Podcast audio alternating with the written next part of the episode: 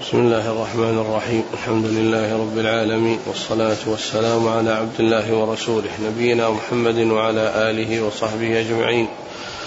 أما بعد فيقول أمير المؤمنين في الحديث أبو عبد الله محمد بن إسماعيل البخاري رحمه الله تعالى يقول في كتابه الجامع الصحيح بسم الله الرحمن الرحيم.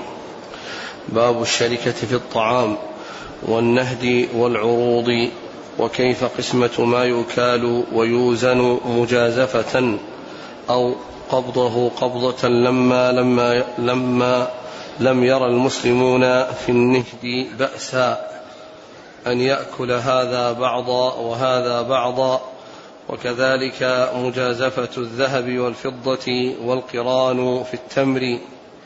قال حدثنا عبد الله بن يوسف قال أخبرنا مالك عن وهب بن كيسان عن جابر بن عبد الله رضي الله عنهما أنه قال بعث رسول الله صلى الله عليه وآله وسلم بعثا قبل الساحل فأمر عليهم أبا عبيدة بن الجراح وهم ثلاثمائة, ثلاثمائة وأنا فيهم فخرجنا حتى إذا كنا ببعض الطريق. فني الزاد فأمر أبو عبيدة بأزواد ذلك الجيش. فجمع ذلك كله فكان مزودي تمر فكان مزودي تمر فكان مزودي تمر فكان يقوتنا كل يوم قليلا قليلا. حتى فني فلم يكن يصيبنا إلا تمرة تمرة. فقلت وما تغني تمرة؟ فقال لقد وجدنا فقدها حين فنيت.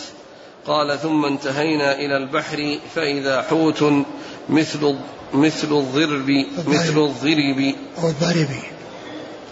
بكسب. ككتف الضرب والضرب. وجهان. الضرب والضرب. والضرب. ككتف. الضاء بفتحها وكسرها. والراء بإسكانها وكسرها. إيه لا هو ككتف.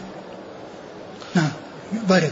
الضيب فأكل منه ذلك الجيش ثمانية عشرة ليلة ثم أمر أبو عبيدة بضلعين من أضلاعه فنصبا ثم أمر براحلة فرحلت ثم مرت تحتها ثم مرت تحتهما فلم تصبهما. بسم الله الرحمن الرحيم الحمد لله رب العالمين وصلى الله وسلم وبارك على عبده ورسوله نبينا محمد وعلى آله وأصحابه أجمعين أما بعد. يقول الإمام البخاري رحمه الله كتاب الشركة أو باب في الشركة و والشركة هي الاتفاق أو يعني ما يحصل من اثنين فأكثر يعني في أمر من الأمور ويكون ذلك غالبا بقصد الربح في هذه الشركة وقد يحصل الاشتراك من غير قصد كما يحصل في الهبة والميراث بأن يوهب لجماعة شيء فيشتركون فيه أو يعني يرثون ميراثا فيكون شركاء في هذا المال. فهذا يعني يكون اشتراك من غير قصد وإنما جاء من غيرهم. وأما ما يحصل منهم من ما يقصدونه من الاتفاق في أمر من الأمور كشركة يريدون من ورائها الربح فهذا هو الغالب على ما يتعلق بذكر الشركة. ثم قال باب في الطعام. باب الشركة في الطعام والنهد والعروض. باب الشركة في الطعام. الطعام الشركة فيه يعني تكون آه، يعني آه، قدم الطعام على غيره لأن الشركة تكون فيه ب آه، يعني باستحقاق أو اشتراك الجميع. يعني فيه أي في الطعام الذي هو قوتهم بأن يعني يكونوا مسافرين ويتفقون على يعني معهم طعام يشتركون فيه. والنهد فسر بأن بأنه ما يحصل من التساوي يعني بينهم في الطعام بأن يكون كل منهم يدفع قسطا أو شيئا معينا يشتركون فيه كأن يكونوا في سفر ويعني يتفقون على زاد لهم فيكون كل واحد منهم يدفع يعني مقدارا من الطعام أو يدفع مقدارا من النقود ويشترطون به طعاما ويكون ذلك بالسوية والتسوية ليست بلازمة لأنه لو أراد إنسان أن آه، يدفع شيئا أكثر مما طلب منه يعني متبرعا فإن هذا سائر ولا ولا بأس به. و و و و الطعام والنهد. والعروض. والعروض يعني ما سوى النقدين يقال عروض. يعني وهو ما يعرض ويباع. هذا جمعه عرض وهو غير النقد لأن النقد ما يقال له عرض هو ثمن. وأما العروض فهي مثمنات. العروض مثمنات. والنقد ثمن. هو أثمان أثمان العروض أو أثمان التي لما يباع ويشترى. نعم. وكيف قسمة ما يكال ويوزن مجازفة؟ وقسمة ما يكال ويوزن مجازفة. يعني من غير كيل. أو يعني بكيل وهو غرفة غرفة أو آه، غرفة غرفة؟ أو قبضة قبضة. قبضة قبضة يعني شيء يعني محدد ولكنه يعني قد قد لا يحصل فيه التساوي لأن القبضات تختلف يعني في آه، امتلاء اليد وعدم امتلائها ويعني وأن يعني مثل ذلك عندما يكال فإن كيله فإنه إذا حصل بالمكيال أو حصل مما يوزن بالميزان لا شك أن هذا أدق. لا شك أن هذا أدق.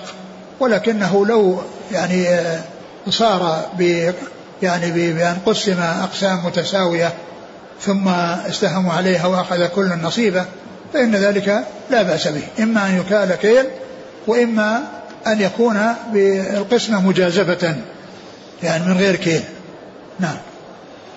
لما لم يرى المسلمون في النهد بأسا. إيش؟ لما لم يرى لما أو لما؟ لما رأى لما لم يرى المسلمون في النهد بأسا. يعني هو الذي الذي مر في أنهم آه، يأتون بشيء يعني آه، آه، للسفر مثلا.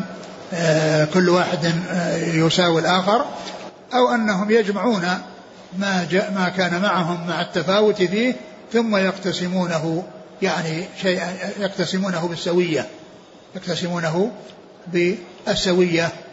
وكذلك يعني ما يقدم من طعام فإن الناس يختلفون في الأكل ولا يتساوون فيه لأن بعضهم يأكل أكثر من بعض وبعضهم يكون أقل من بعض. فهذا من الأشياء التي آه، لا بأس بها. ولا يلزم أن يكون الآكلين متساوين الآكلون متساويين فإن الأكلة لا بد وأن يتفاوتوا. منهم من يكون يشتهي الأكل ومنهم من يكون لا يشتهي كثيرا فيكون متفاوتين. يعني في مقدار ما يحصل لكل واحد منهم. لكن التسامح حاصل وجار يعني بينهم بأنه كل يأكل ما يستحقه أو ما يمكنه من دون أن يقيد بلقمات معينة. نعم. وكذلك مجازفة الذهب والفضة. وكذلك مجازفة الذهب والفضة مجازفة الذهب مع الفضة لا بأس بها يعني سواء عرف العدد أو لم يعرف العدد. المهم أن يكون ذهبا بفضة أو فضة بذهب لأنها إذا اختلفت الأجناس كما قال الرسول فبيعوا كيف شئتم. لكن بشرط أن يكون يدا بيد. يعني لا يلزم أن يكون عددا بل يمكن أن يكون بالوزن ويمكن أن يكون أيضا بالجزاف. يعني آه، قطعة من الذهب مع قطعة من الفضة. لا بأس بذلك سواء علمت أو جهلت.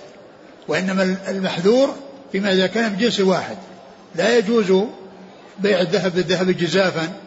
ولا بيع الفضة بالفضة جزافا وإنما يكون يعني وزنا ومثلا بمثل مع أيضا التقابض.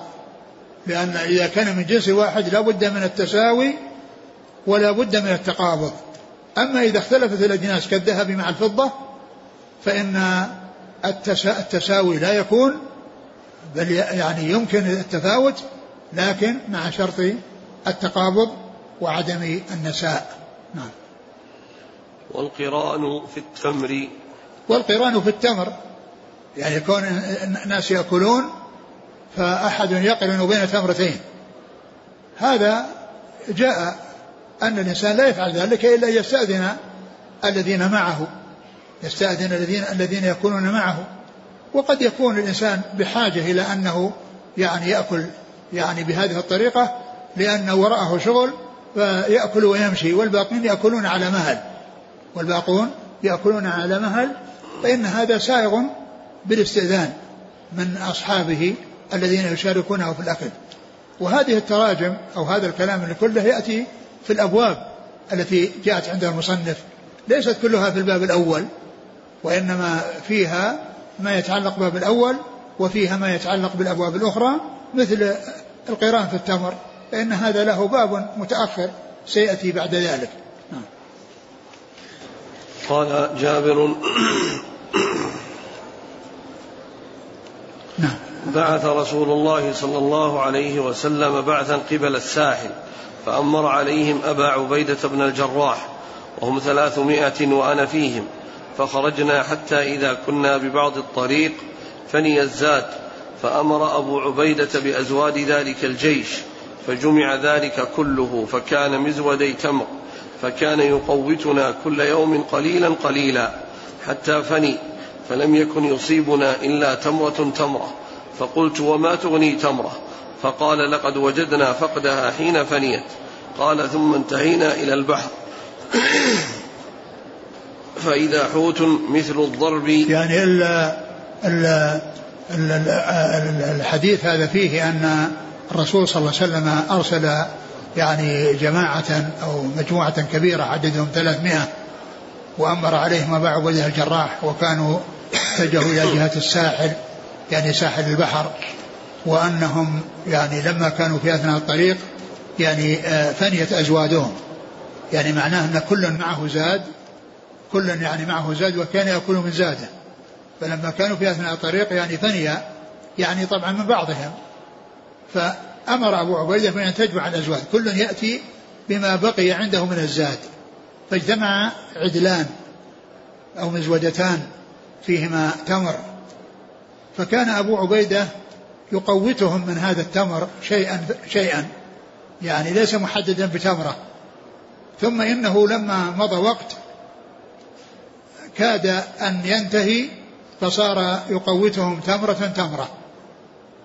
كان يقوتهم تمرة تمرة يعطي الواحد يعني تمرة واحدة. فقيل له وما تصنع التمرة؟ قال كنا شعرنا بشأنها لما فقدناها. يعني لما فقدناها يعني شعروا لأن الشيء القليل عند الحاجة إليه يعتبر كثير عند من عند من يصل إليه. ولكن إذا فقد نهائيا وما صار فيه ولا تمرة يعني هذا يظهر فيه أهمية ذلك الشيء القليل الذي فقد. فكان يقوتهم تمرة تمرة ثم إنهم لما جاءوا الساحل الله عز وجل ساق لهم رزقا عظيما وكبيرا وهو أن حوتا ضخما كالضرب أو كالضرب يعني الأكمة أو الجبل الصغير.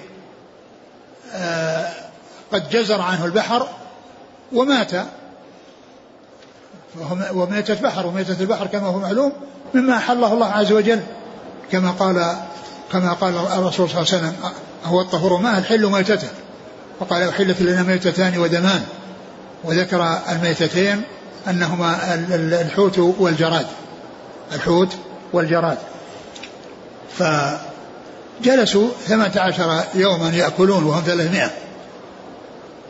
وبعد ذلك آآ آآ يعني أبو عبيدة عمل ضلعين من أضلاع الحوت ونصبهما وأمر ب يعني بناقة فرحلت ثم دخلت من من تحتهما.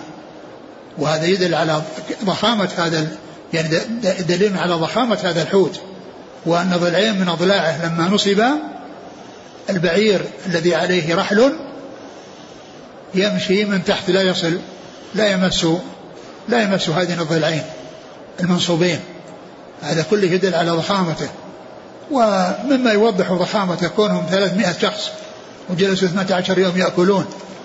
وبعضهم ثم حملوا منه إلى المدينة إلى إلى رسول الله عليه الصلاة والسلام. فكان معهم هذا الطعام القليل الذي كان نصيب الواحد منهم تمرة ثم ساق الله لهم هذا الفضل العظيم الذي الذي من الله به عليهم حتى يعني أكلوا وجلسوا مدة طويلة. والمقصود من إيراد الحديث هو ذكر الجمع الأزواج جمع الأزواج وأنه يعني بعد ذلك تقسم بالسوية يعني بينهم وهذا يتعلق بالنهد الذي هو يعني آه، آه، جمع الشيء الذي يعني هذا يتساوون فيه يتساوون فيه بحيث يعطى لكل واحد مثل ما يعطى للآخر. نعم. قال حدثنا عبد الله بن يوسف. بن عن مالك عن وهب بن كيسان. نعم. عن جابر بن عبد الله. نعم. قال حدثنا بشر بن مرحوم قال حدثنا حاتم بن إسماعيل قال عن يزيد بن أبي عبيد. عن سلمة رضي الله عنه قال خفت أزواد القوم وأملقوا فأتوا النبي صلى الله عليه وسلم في نحر إبلهم فأذن لهم فلقيهم عمر فأخبروه فقال ما بقاؤكم بعد إبلكم؟ فدخل على النبي صلى الله عليه وسلم فقال يا رسول الله ما بقاؤهم بعد إبلهم؟ فقال رسول الله صلى الله عليه وسلم نادي في الناس فيأتون بفضل أزواجهم فبسط لذلك نطع وجعلوه على وجعلوه على النطع. فقام رسول الله صلى الله عليه وسلم فدعا وبرك عليه ثم دعاهم بأوعيتهم فاحتثى الناس حتى فرغوا. ثم قال رسول الله صلى الله عليه وآله وسلم أشهد أن لا إله إلا الله وأني رسول الله. ثم ذكر هذا الحديث عن سلمة بن الأكوع رضي الله عنه وهو أن أنه إيش؟ هو الحديث اول حديث قال خفت أزواد القوم وأملقوا. خفت أزواد القوم يعني قلت وأملقوا أصابهم الجوع وأصابهم القلة. فيعني آه، جاءوا إلى الرسول عليه الصلاة والسلام ويعني استأذنوه في نحر شيء من إبلهم فأذن لهم. ثم إنه جاء عمر رضي الله عنه إلى رسول الله جاء إليهم وقال ما بقاؤهم بعد إبلهم؟ يعني معناه إذا أكلوا يعني ذبحوا ناقة ثم ذبحوا ناقة يعني معناه أن تفنى أن مراكبهم تذهب ويعني كيف يعني يسيرون في السفر ومراكبهم يعني تذهب أو تقل. فجاء عمر إلى الرسول وقال ما بقاؤهم بعد يعني بعد يعني دوابهم أو بعد إبلهم؟ فقال نادي بالناس بان يجمعوا ما بقي من أزواجهم. فوضع نطع وهو يعني فراش من الجلد. فكل أتى بالذي بقي عنده. ثم إن الرسول صلى الله عليه وسلم دعا بالبركة ود... يعني برك يعني دعا بالبركة حتى كثر هذا الطعام القليل ببركة دعاء النبي صلى الله عليه وسلم. فدعاهم وكل أتى بمزاجته وصاروا يحثون يحثون بأيديهم ويعبئون هذه المزادات حتى ملؤوها. وبقي يعني بعد ذلك فقال رسول الله صلى الله عليه وسلم أشهد أن لا إله إلا الله وأني رسول الله. ومحل الشاهد من هذا هو يعني كون الرسول صلى الله عليه وسلم طلب منهم أن يجمعوا أزوجتهم أو ما بقي من أزواجهم وهو قليل فدعا فيه وبرك دعا بالبركة حتى كثر الطعام وملأوا أوعيتهم من ذلك ببركة دعاء رسول الله صلى الله عليه وسلم.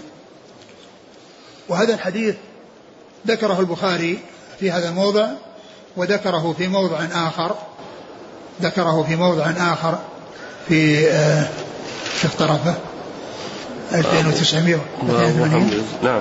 ها؟ باب حمل الزاد في الغزو. نعم. الله تعالى وتزودوا فإن خير الزاد التقوى. نعم.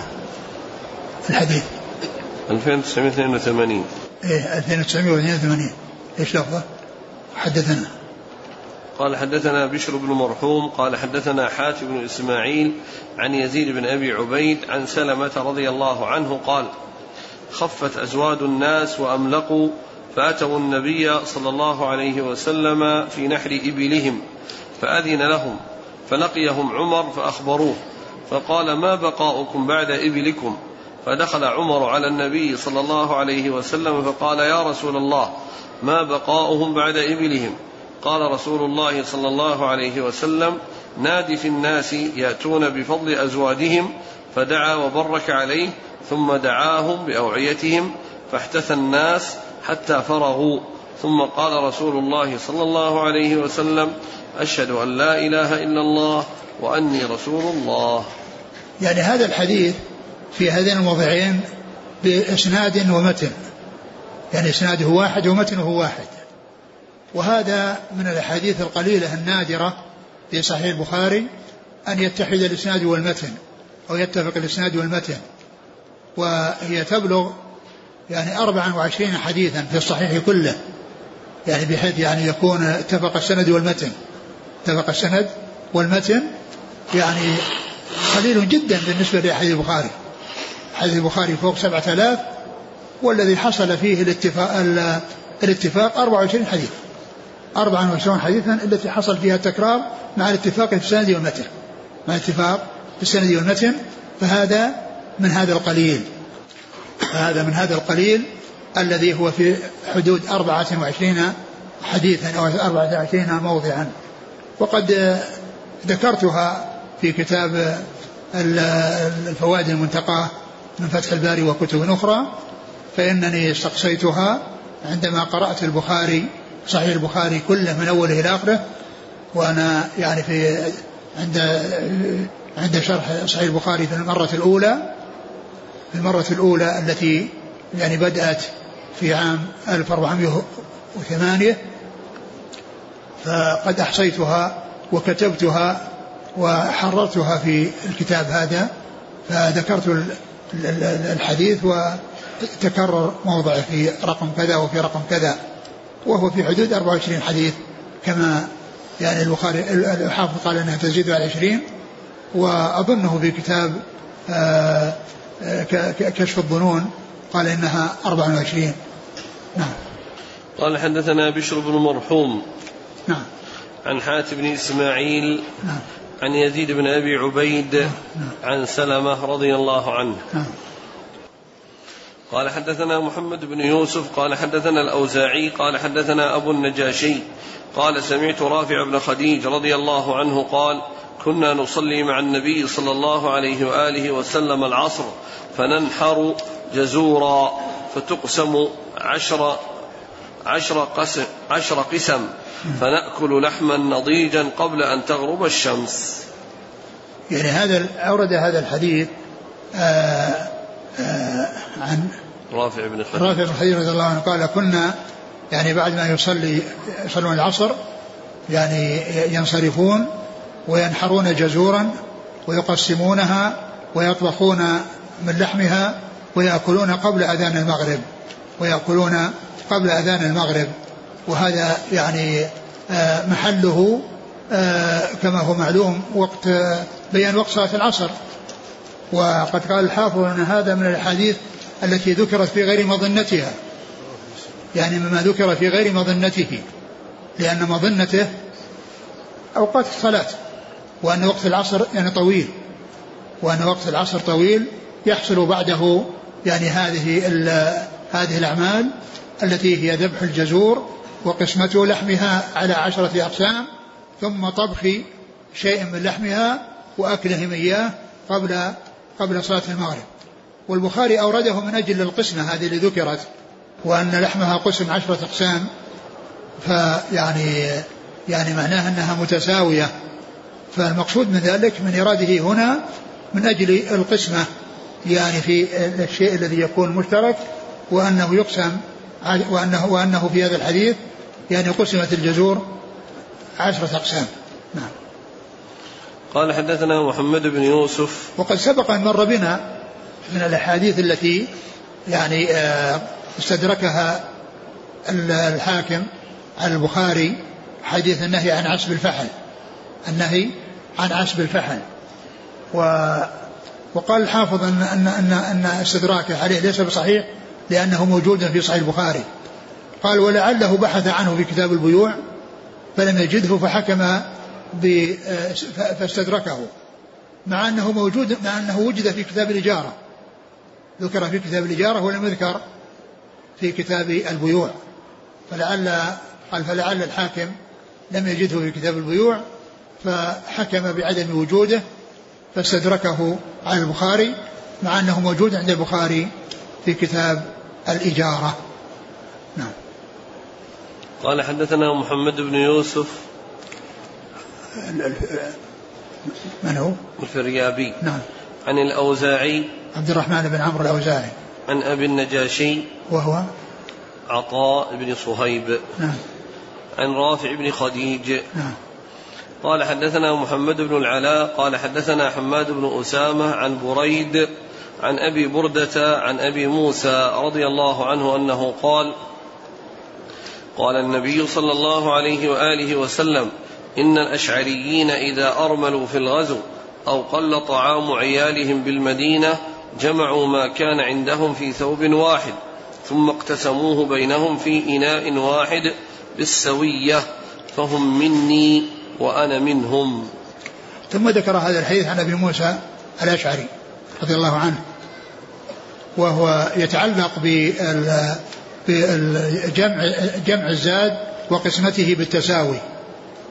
و وذكر يعني والغالب أن هذا يكون في السفر.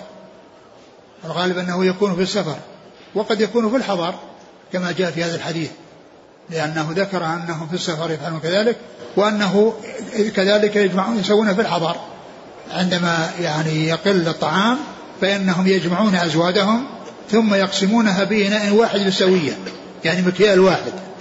يعني إناء يكيلون فيه وكل يأخذ منه مقدار مكيال بالسوية فقال فهم مني وأنا منهم. وهذا مدح لهم على هذا العمل. يعني بحيث بعضهم يعين بعضا. وبعضهم يحصل منه الإرفاق لبعض فيحسن إليه. فيكون الذي عنده والذي ليس عنده كلهم يشتركون في هذا. وهذا هو الذي جاء في الترجمة في الترجمة الأول أنه أنه النهد أو النهد. يعني فهذا فهذا منه وهذا من أمثلته وهو دليل على أن ذلك ليس خاصا بالسفر وإنما يكون بالسفر ويكون بالحضر. لأن الرسول عليه الصلاة والسلام أخبر عن الأشعريين وصنيعهم ذلك وأثنى عليهم بقوله فهم مني وأنا منهم. قال حدثنا محمد بن العلاء. هو أبو كريب محمد بن العلاء بن كريب أبو كريب. عن حماد بن سلمة. حماد بن أسامة. حماد بن نعم. نعم وهو وهو أبو أبو أسامة. يأتي ذكره كثيرا بكنيته وأحيانا يأتي ذكره باسمه كما هنا. عن بريد.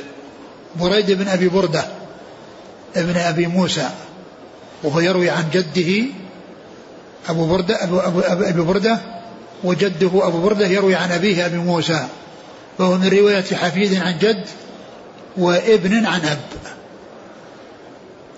قال رحمه الله تعالى باب ما كان من خليطين فإنهما يتراجعان بينهما بالسوية في الصدقة. وأنا ذكرت يعني في درس مضى أن بريد بن أبي بردة هذا يعني كان ذكر الحافظ بن حجر في آه، ترجمته في مقدمة فتح الباري وكان يعني آه، وكان الحافظ ذكر الأشخاص اللي تكلم فيهم في البخاري وأجاب عن عن عن, عن الكلام فيهم.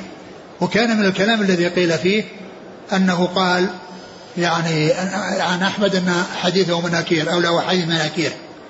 وأجاب الحافظ بأن كلمة مناكير هذه يطلعها يطلعها يطلقها بعض المحدثين على الفرد وعلى الأفراد وليس على مخالفة الضعيف للثقة الذي يكون من قبيل المردود وإنما هذا من قبيل الأفراد. يعني فقال فالإمام أحمد وبعض العلماء يطلقون على الأفراد مناكير. نعم. يعني فبين أن هذا الذي أطلق أنه لا يضره. لأن هذا جار على ما هو معروف عن الإمام أحمد أنه يطلق مناكير على الأفراد. ومعلوم أن الأفراد إذا جاء من طريق واحد وهو صحيح معتبر فإن ذلك يعول عليه. وأول حديث في البخاري وأول وآخر حديث في البخاري هي من الأفراد.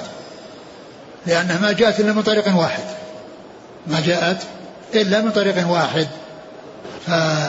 فيقال له فرد ومع ذلك هو صحيح. لا يؤثر. في صحة أنه ما جاء من طريق واحد. قال رحمه الله تعالى باب ما كان من خليطين فإنهما يتراجعان بينهما بالسوية فالصدقة قال حدثنا محمد بن عبد الله بن المثنى قال حدثني أبي قال حدثني ثمامة بن عبد الله بن أنس أن أنسا رضي الله عنه حدثه أن أبا بكر رضي الله عنه كتب له فريضة الصدقة التي فرض رسول الله صلى الله عليه وآله وسلم. قال وما كان من خليطين فإنهما يتراجعان بينهما بالسوية. باب ما كان من خليطين فإنهما يتراجعان بينهما بالسوية في الصدقة. ما كان من خليطين فإنهما يتراجعان بينهما بالسوية في الصدقة. يعني أن الخليطين إذا خلطا مالهما واشترك في المرعى والحوض يعني المكان الذي تأوي إليه إليه يعني طول السنة وهذا شأنها هذا يصير المالين كالمال الواحد كما يقول الفقهاء والخلطة في المالين تصير المال تصيرهما كالمال الواحد بمعنى أن أنه لو كان كل واحد منهما عنده عشرين وكان مستقل على حدة والثاني عنده عشرين وكان مستقل على حدة يرعاها على حدة لا زكاة فيها لأنه ما بلغ النصاب. لكن لما إذا اجتمع العشرين صاحب العشرين مع صاحب العشرين وصار مرعاهما واحد ومشربهما واحد يعني مكان إيوائهما واحد فإن هذا يعني يكون فيه زكاة. يعني فأربعين زكاة أربعين شاة يؤخذ منها واحدة زكاة. فإذا أخذت الواحدة هذه من مال أحدهما أو من قسم أحدهما فإنه يرجع إلى صاحبه يرجع إلى صاحبه بحقه لأن هذا منه نصف وهذا منه نصف فإذا أخذت شاة من أحدهما رجع هذا الذي يأخذه منه على صاحبه بقسطه. فهذا هو معنى قوله ما كان من خليطين فإنهما يتراجعان بينهما بالسوية يعني عندما تؤخذ الصدقة من مال أحدهما وهي شاة يرجع إلى صاحبه بما يخصه من قيمة هذه الشاة. نعم. قال حدثنا محمد بن عبد الله بن المثنى. نعم هذا من كبار شيوخ البخاري. هذا من الذين روى عنهم الثلاثيات. محمد بن عبد الله بن المثنى ومكي بن إبراهيم وأبو عاصم وأبو عاصم النبيل. هؤلاء من كبار شيوخه. ومحمد بن عبد الله الأنصاري هذا يرى عنه بواسطة وبغير واسطة. وهنا روى عنه بغير واسطة وهو من شيوخه. وهو يروي عنه بواسطة وبغير واسطة. نعم. عن ابيه نعم. عن ثمامة بن عبد الله بن أنس عن نعم. أنس. نعم. عن أبي بكر. نعم. الحديث طويل وقد سبق أن مر في كتاب الزكاة. حديث طويل وقد مر في كتاب الزكاة وقد بعث به إلى أنس بن مالك وفي أوله قال هذه فريضة الصدقة التي فرضها الله فرضها الله والتي أمر بها رسوله صلى الله عليه وسلم. وقد ذكرت فيما مضى أن قوله التي أمر الله بها رسوله دليل على أن السنة من الوحي وأنها وحي وأن هذا الذي جاء في الحديث أمر الله به وأوحى الله به إلى رسوله عليه الصلاة والسلام فالسنة وحي من الله كما أن القرآن وحي من الله وهو ما يدل عليه قول الله عز وجل وما ينطق عن الهوى إن هو إلا وحي يوحى فإن قوله والتي أمر الله بها رسوله يعني وهي سنة يعني الإبل كذا والبقر كذا والغنم كذا ودراهم كذا. هذا كله من كلام الرسول صلى الله عليه وسلم. ومن السنة. وقال فيها أمر الله بها رسوله. يعني أنها وحي من الله. مثل الأحاديث التي فيها أمرت بكذا ونهيت عن كذا. وهي من السنة. والآمر له هو الله والناهي له هو الله. أي أنها وحي من الله سبحانه وتعالى.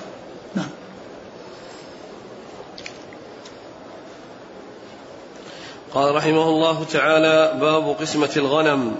قال حدثنا علي بن الحكم الأنصاري قال حدثنا أبو عوانة عن سعيد بن مسروق عن عباية بن رفاع بن رافع بن خديج عن جده قال كنا مع النبي صلى الله عليه وآله وسلم بذي الحليفة فأصاب الناس جوع فأصابوا إبلا وغنما.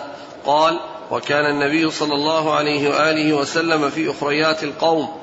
فعجلوا وذبحوا ونصبوا القدور فأمر النبي صلى الله عليه وسلم بالقدور فأكفئت ثم قسم فعدل عشرة من الغنم ببعير فند منها بعير فطلبوه فأعياهم وكان في القوم خيل يسيرة فأهوى رجل منهم بسهم فحبسه الله ثم قال إن لهذه البهائم أوابد كأوابد الوحش فما غلبكم منها فاصنعوا به هكذا. فقال جدي إنا نرجو أو نخاف العدو غدا وليست مدى أفنذبح بالقصب؟ قال ما أنهر الدم وذكر اسم الله عليه فكلوه ليس السن والظفر وسأحدثكم عن ذلك أما السن فعظم وأما الظفر فمدى الحبشة. ثم قال باب قسمة الغنم. يعني أن الناس إذا تساووا في شيء واشتركوا فيه كالغنائم التي يكون فيها إبل وغنم يكون فيها إبل وغنم ويعني ولا يمكن أن تقسم الإبل والغنم كلها بسوية بأن يكون كل واحد له بعير وكل واحد له يعني شاة وإنما يعني يعني لابد من التقويم والتقدير بأن يكون أحد يكون له جمل وأحد له عشر من الغنم وهكذا. ف فأصابوا كانوا في سفر وكانوا في ذي الحليفة وذي الحليفة غير هذا المكان الذي هو في الذي هو بئر علي الذي هو الميقات. وإنما هو مكان حصل في سفر وغنيمة حصلت في سفر.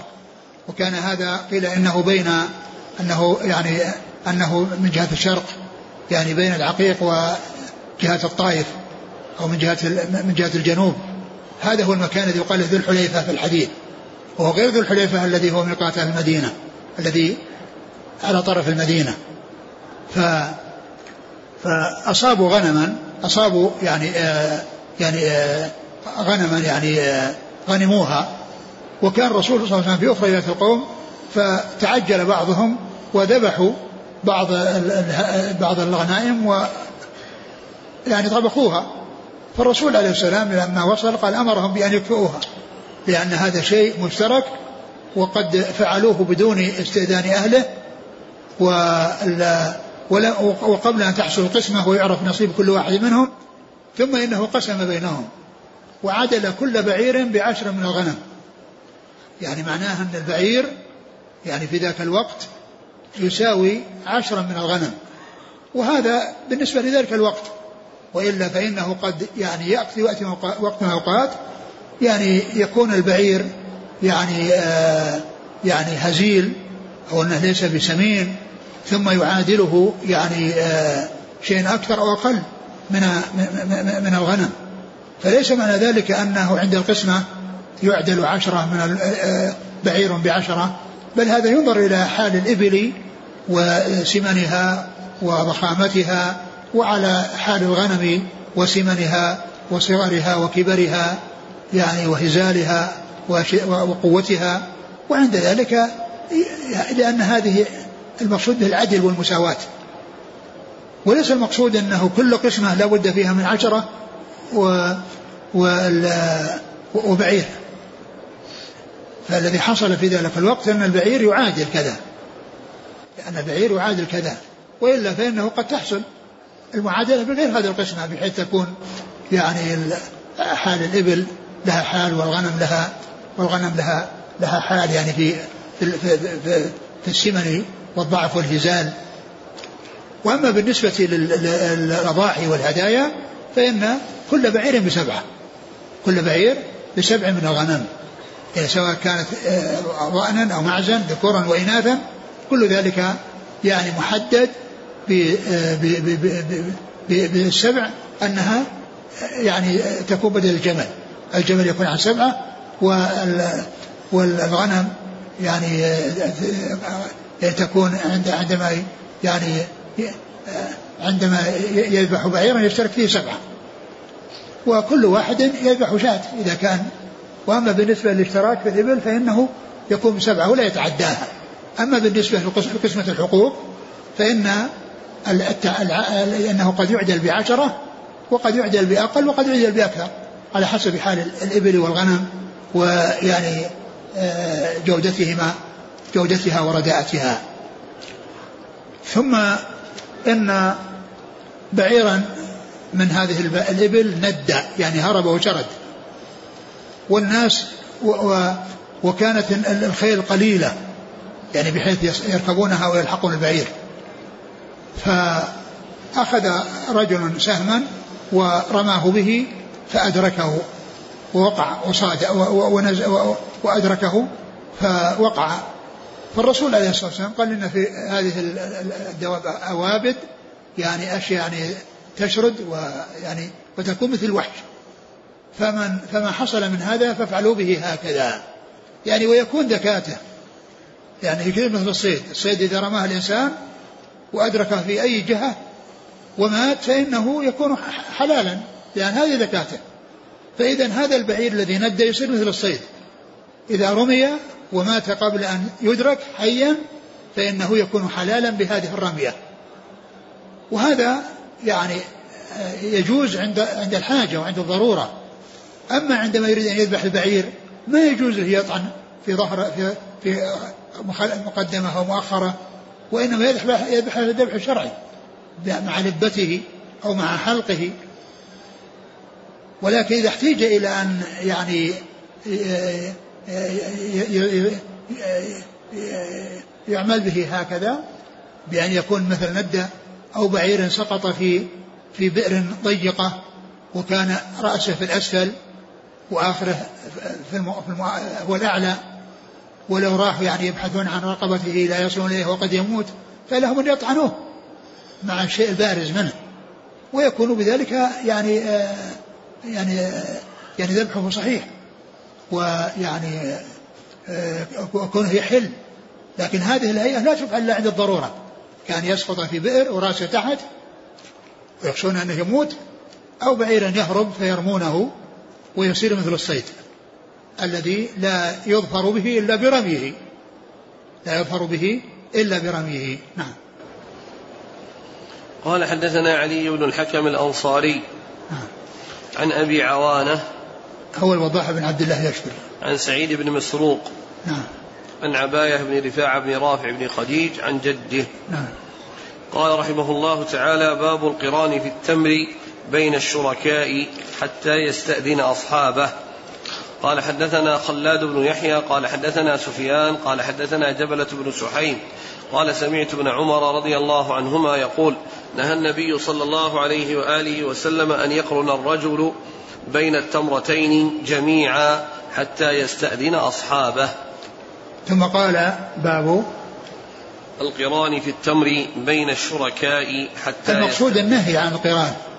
النهي عن القران بين التمرتين من الشركاء يعني في الأكل حتى يستأذن أصحابه. يعني أنه ليس له إذا قدم تمر وصاروا يأكلون وهو مشترك بينهم فإنه لا يأكل اثنتين. إلا أن يأذن له أصحابه. وهذا من, من, من الآداب. وحسن الأخلاق. أن الإنسان ما يفعل مثل هذا الفعل لكن قد يحتاج إليه بأن يكون مستعجل. ويريد أن يأكل يعني آه، تمرتين تمرتين ويمشي وهم يأكلون على مهلهم وعلى سعتهم لا بأس بذلك. لكن يستأذن. يستأذن أصحابه بذلك لأن الأصل هو أن كل واحد يأكل تمرة تمرة. كل واحد يأكل تمرة تمرة أما يكون تمرتين في مرة واحدة فهذا لابد فيه من الاستئذان. لابد فيه من الاستئذان. يعني فهذا شيء مشترك بينهم. يعني وكيفية الأكل أن كل واحد يأكل تمرة وأنه لا يأكل تمرتين مرة واحدة إلا بإذن أصحابه وشركائه. وقد تدعو الحاجة إلى ذلك كما ذكرت. نعم. قد تقول يعني ليس ليس بلازم يكون عن شرع أو عن طريق مسابقتهم حتى يعني يكون حظه أكبر من حظهم في كثرة كثرة التمر المأكول. نعم. قال حدثنا خلاد بن يحيى نعم. عن سفيان الثوري. عن جبلة بن سحيم نعم. عن ابن عمر. قال حدثنا أبو الوليد قال حدثنا شعبة عن جبلة قال كنا بالمدينة فأصابتنا سنة فكان ابن الزبير يرزقنا التمر وكان ابن عمر يمر بنا فيقول لا تقرنوا فإن النبي صلى الله عليه وسلم نهى عن الإقران إلا أن يستأذن الرجل منكم أخاه. وهذا الحديث مثل الحديث الذي تقدم عن ابن عمر مثل الذي تقدم يعني فيه أن الرسول نهى عن الإقران بين التمرتين إلا أن يستأذن أخاه. يعني إذا كان واحدا وإذا كانوا جماعة يستأذنهم. نعم. قال حدثنا أبو الوليد هشام بن مالك الطيالسي. عن شعبة عن جبلة بن سحيم الإراح عن ابن عمر. نعم. قال رحمه الله تعالى باب تقويم الأشياء بين الشركاء بقيمة عدل. باب؟ باب تقويم الأشياء بين باب تقويم ليش؟ الكلمة؟ تق... باب؟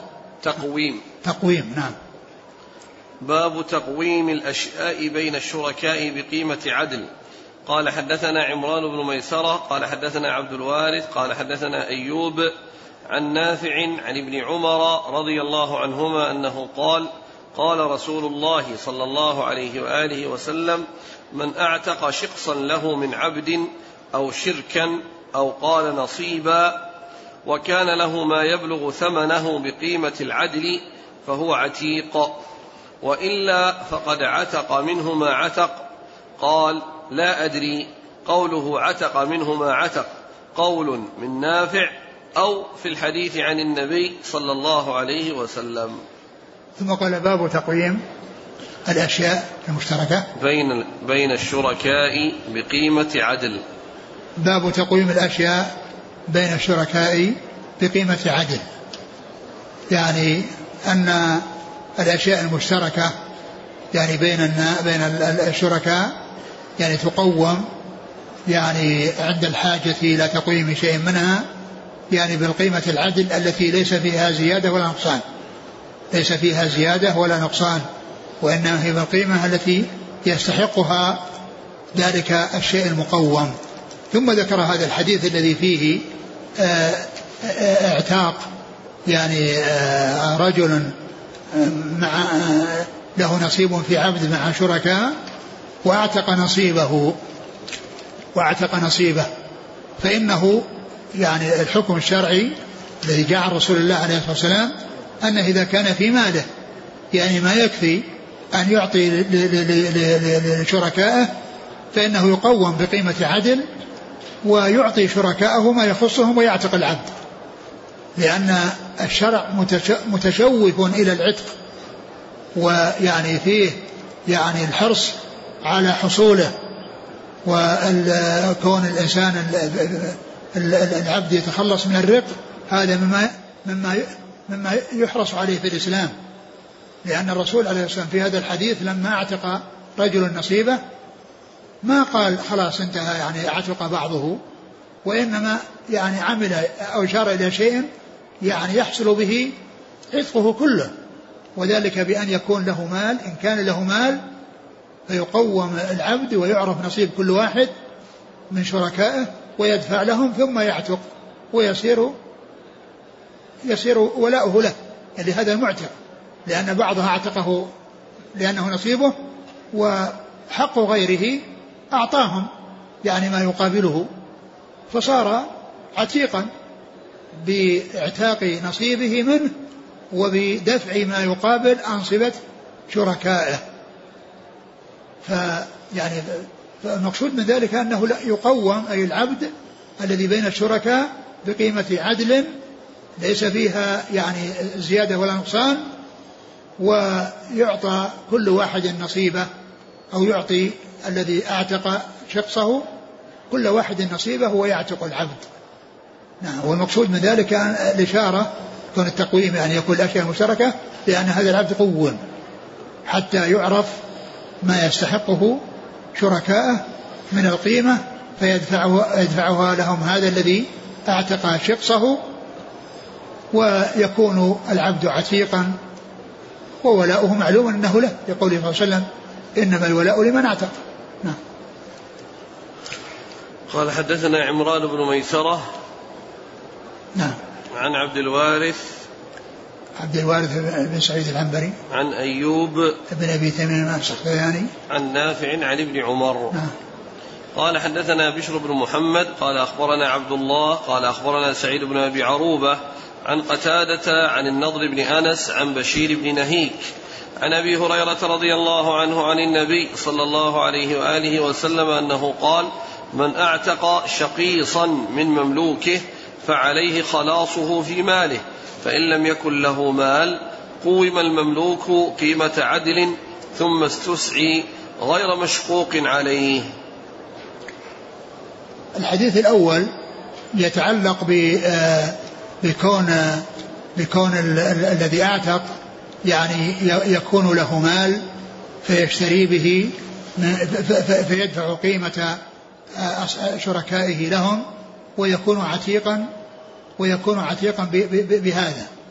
أما يعني هذه هذه المسألة فإنها تتعلق بكونه ليس له مال. يعني كون الشريك الذي يعني آه، أعتق شخصه ليس له مال حتى يشتريه أو حتى يدفع لشركائه ما يقابل. وإنما أعتق بعضه هذا البعض الذي بقي أو القسم الذي بقي معلوم أن أولئك على على نصيبهم لأنه ما ما حصل دفع شيء لهم لأن ذاك الذي هو شريكهم يعني ما ما حصل منه دفع لهم مثل ما حصل في الأول. وعند ذلك يقوم العبد ولكن يطلب من العبد أن يستسعي يروح يسأل الناس أن يساعدوه على فك رقبته وعلى اعتاقه بأن يعطوه مالا يدفعه لبقية الشركاء الذين لم يحصل منهم العتق. ويعني يكون هذا من عمل العبد. إن فعل وحصل شيء فإنه يعتق. يعطيهم مبلغ يعتق. وإن ما حصل شيء فهو باق على أنه مبعض. يعني بعضه عتيق وبعضه مملوك. فالأول يتعلق بأن السداد يكون من المالك حيث يكون له مال ويعتق عليه اللي هو على المالك. والثاني المالك ليس له مال يدفعه لشركائه فيقوم العبد ويطلب من العبد أن يستسعي يعني يبحث عن أحد يساعده. مثل مثل ما كانت بريرة رضي الله عنها لما كاتبها أهلها وجاءت إلى عائشة تطلب منها أن تساعدها بشيء من المال تعطيه لمالكيها فقالت لهم إني أدفعها كلها لهم ويكون الولاء لي. فالرسول صلى الله عليه وسلم قال يعني لها أن تشتريها والولاء لمن اعتق وشرطهم الذي شرطوه هو هو باطل. يعني هذا الذي هنا يعني مثل ما مثل ما حصل من بريرة كونها سعت يعني في تحصيل مال المكاتبة الذي كتبت عليه. فالعبد يستسعى يعني يطلب منه أن يبحث عن أحد يساعده أو يسعى في تحصيل مال يدفعه لهؤلاء الشركاء الذين لم يعتقوا حتى يحصل له العتق. هذا هو الفرق بين الأول والثاني. الأول يعني إذا كان له مال يدفعه والثاني إذا كان ما له مال فيقوم العبد يطلب منه يسعى إن حصل ما يفك به رقبته وإلا بقي مبعضا. يعني بعضه عتيق وبعضه مملوك. نعم. قال حدثنا بشر بن محمد نعم. عن عبد الله ابن مبارك. عن سعيد بن أبي عروبة عن قتادة عن النضر بن أنس نعم. عن بشير بن نهيك نعم. عن أبي هريرة. نعم. قال رحمه الله تعالى باب هل يقرع في القسمة والاستهام فيه؟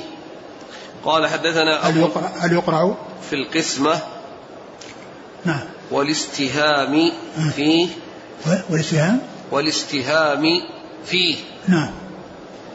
قال حدثنا أبو نعيم قال حدثنا زكريا قال سمعت عامرا يقول سمعت النعمان بن بشير رضي الله عنهما عن النبي صلى الله عليه وآله وسلم قال مثل القائم على حدود الله والواقع فيها كمثل قوم استهموا على سفينة فأصاب بعضهم أعلاها وبعضهم أسفلها فكان الذين في أسفلها إذا استقوا من الماء مروا على من فوقهم.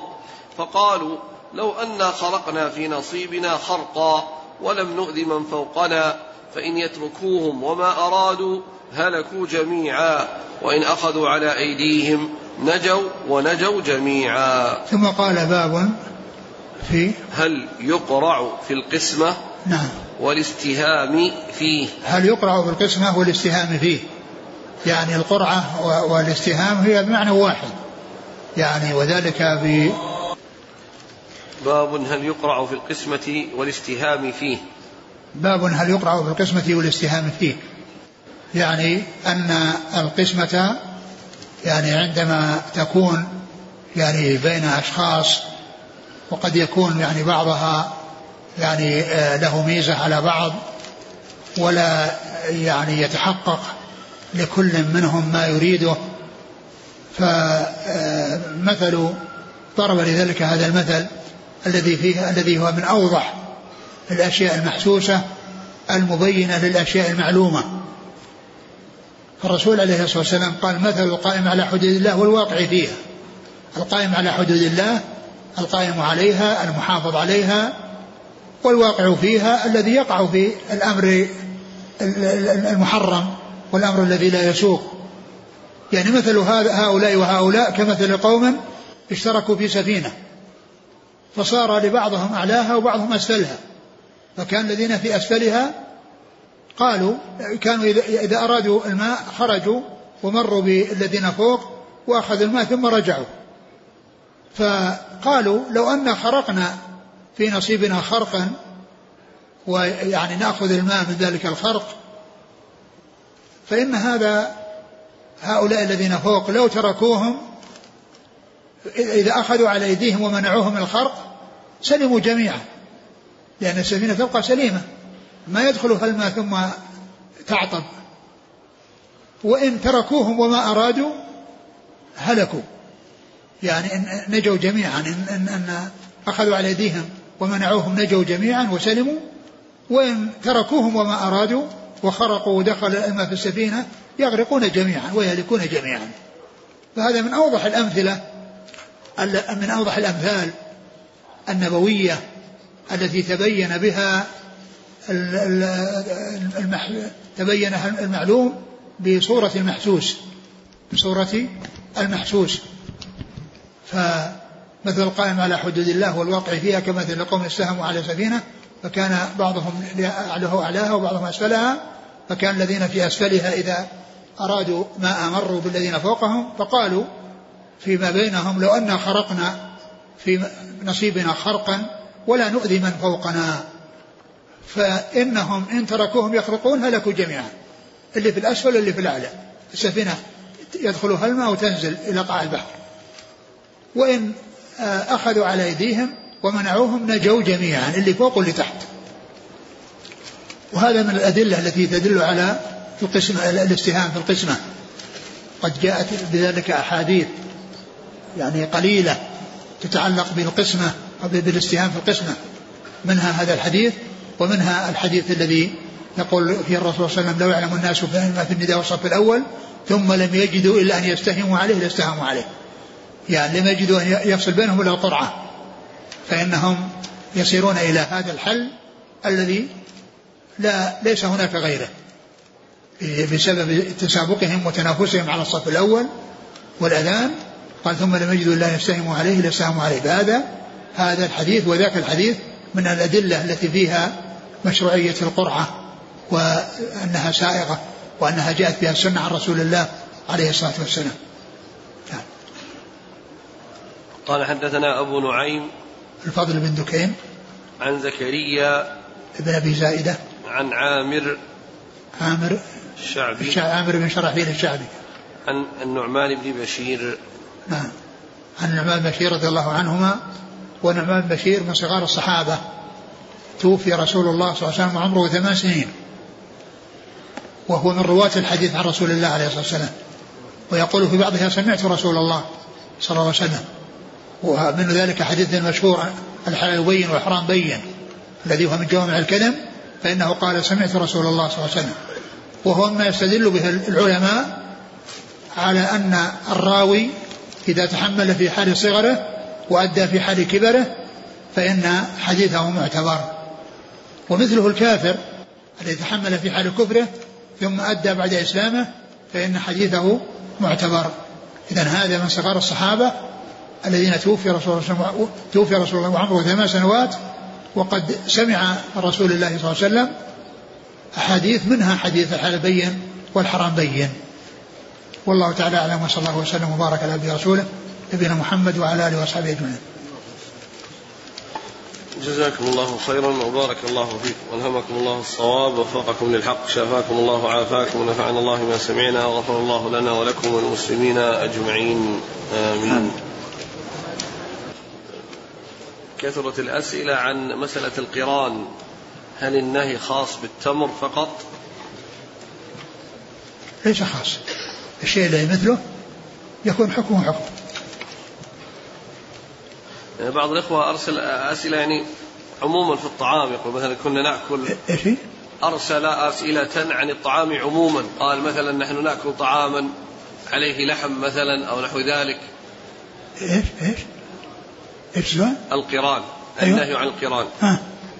هل يخص الأشياء التي تفرد الصغيرة التمر العنب الزيتون يعني الأشياء المفردة التي ممكن الإنسان يجمع ثنتين ثلاثة لا طبعا هذا أقول هذا خاص بها خاص بالأشياء التي يعني كل واحدة تؤكل على حدة ويعني وإذا احتيج إلى أكثر فيكون بالإذن أما الطعام الذي بين الناس يعني كل يأكل على على على يعني على على حاجته وعلى ما يريد. ولهذا سبقا ذكرت أن أن أن الطعام الناس يشركون فيه ويعني ولا يتساوون في الأكل. لأنه إذا قدم طعام كله يأكل يعني كما يريد. لكن بالآداب الشرعية لا يروح يأكل من الجهة الثانية وإنما يأكلون مما يليه. وأما كون اللقمة تصير صغيرة ولقمة كبيرة هذا يعني ما يقال القران. قران بين شيئين مثل الزيتون حب, الزيتون ومثل التمر ومثل الزبيب يعني يعني وهكذا. لا الزبيب يعني حباته صغيرة طبعا ما يمكن يأكل على حبة واحدة. نعم. يقول أشكل علي أمر النبي صلى الله عليه وسلم بإكفاء القدور التي فيها اللحم والطعام.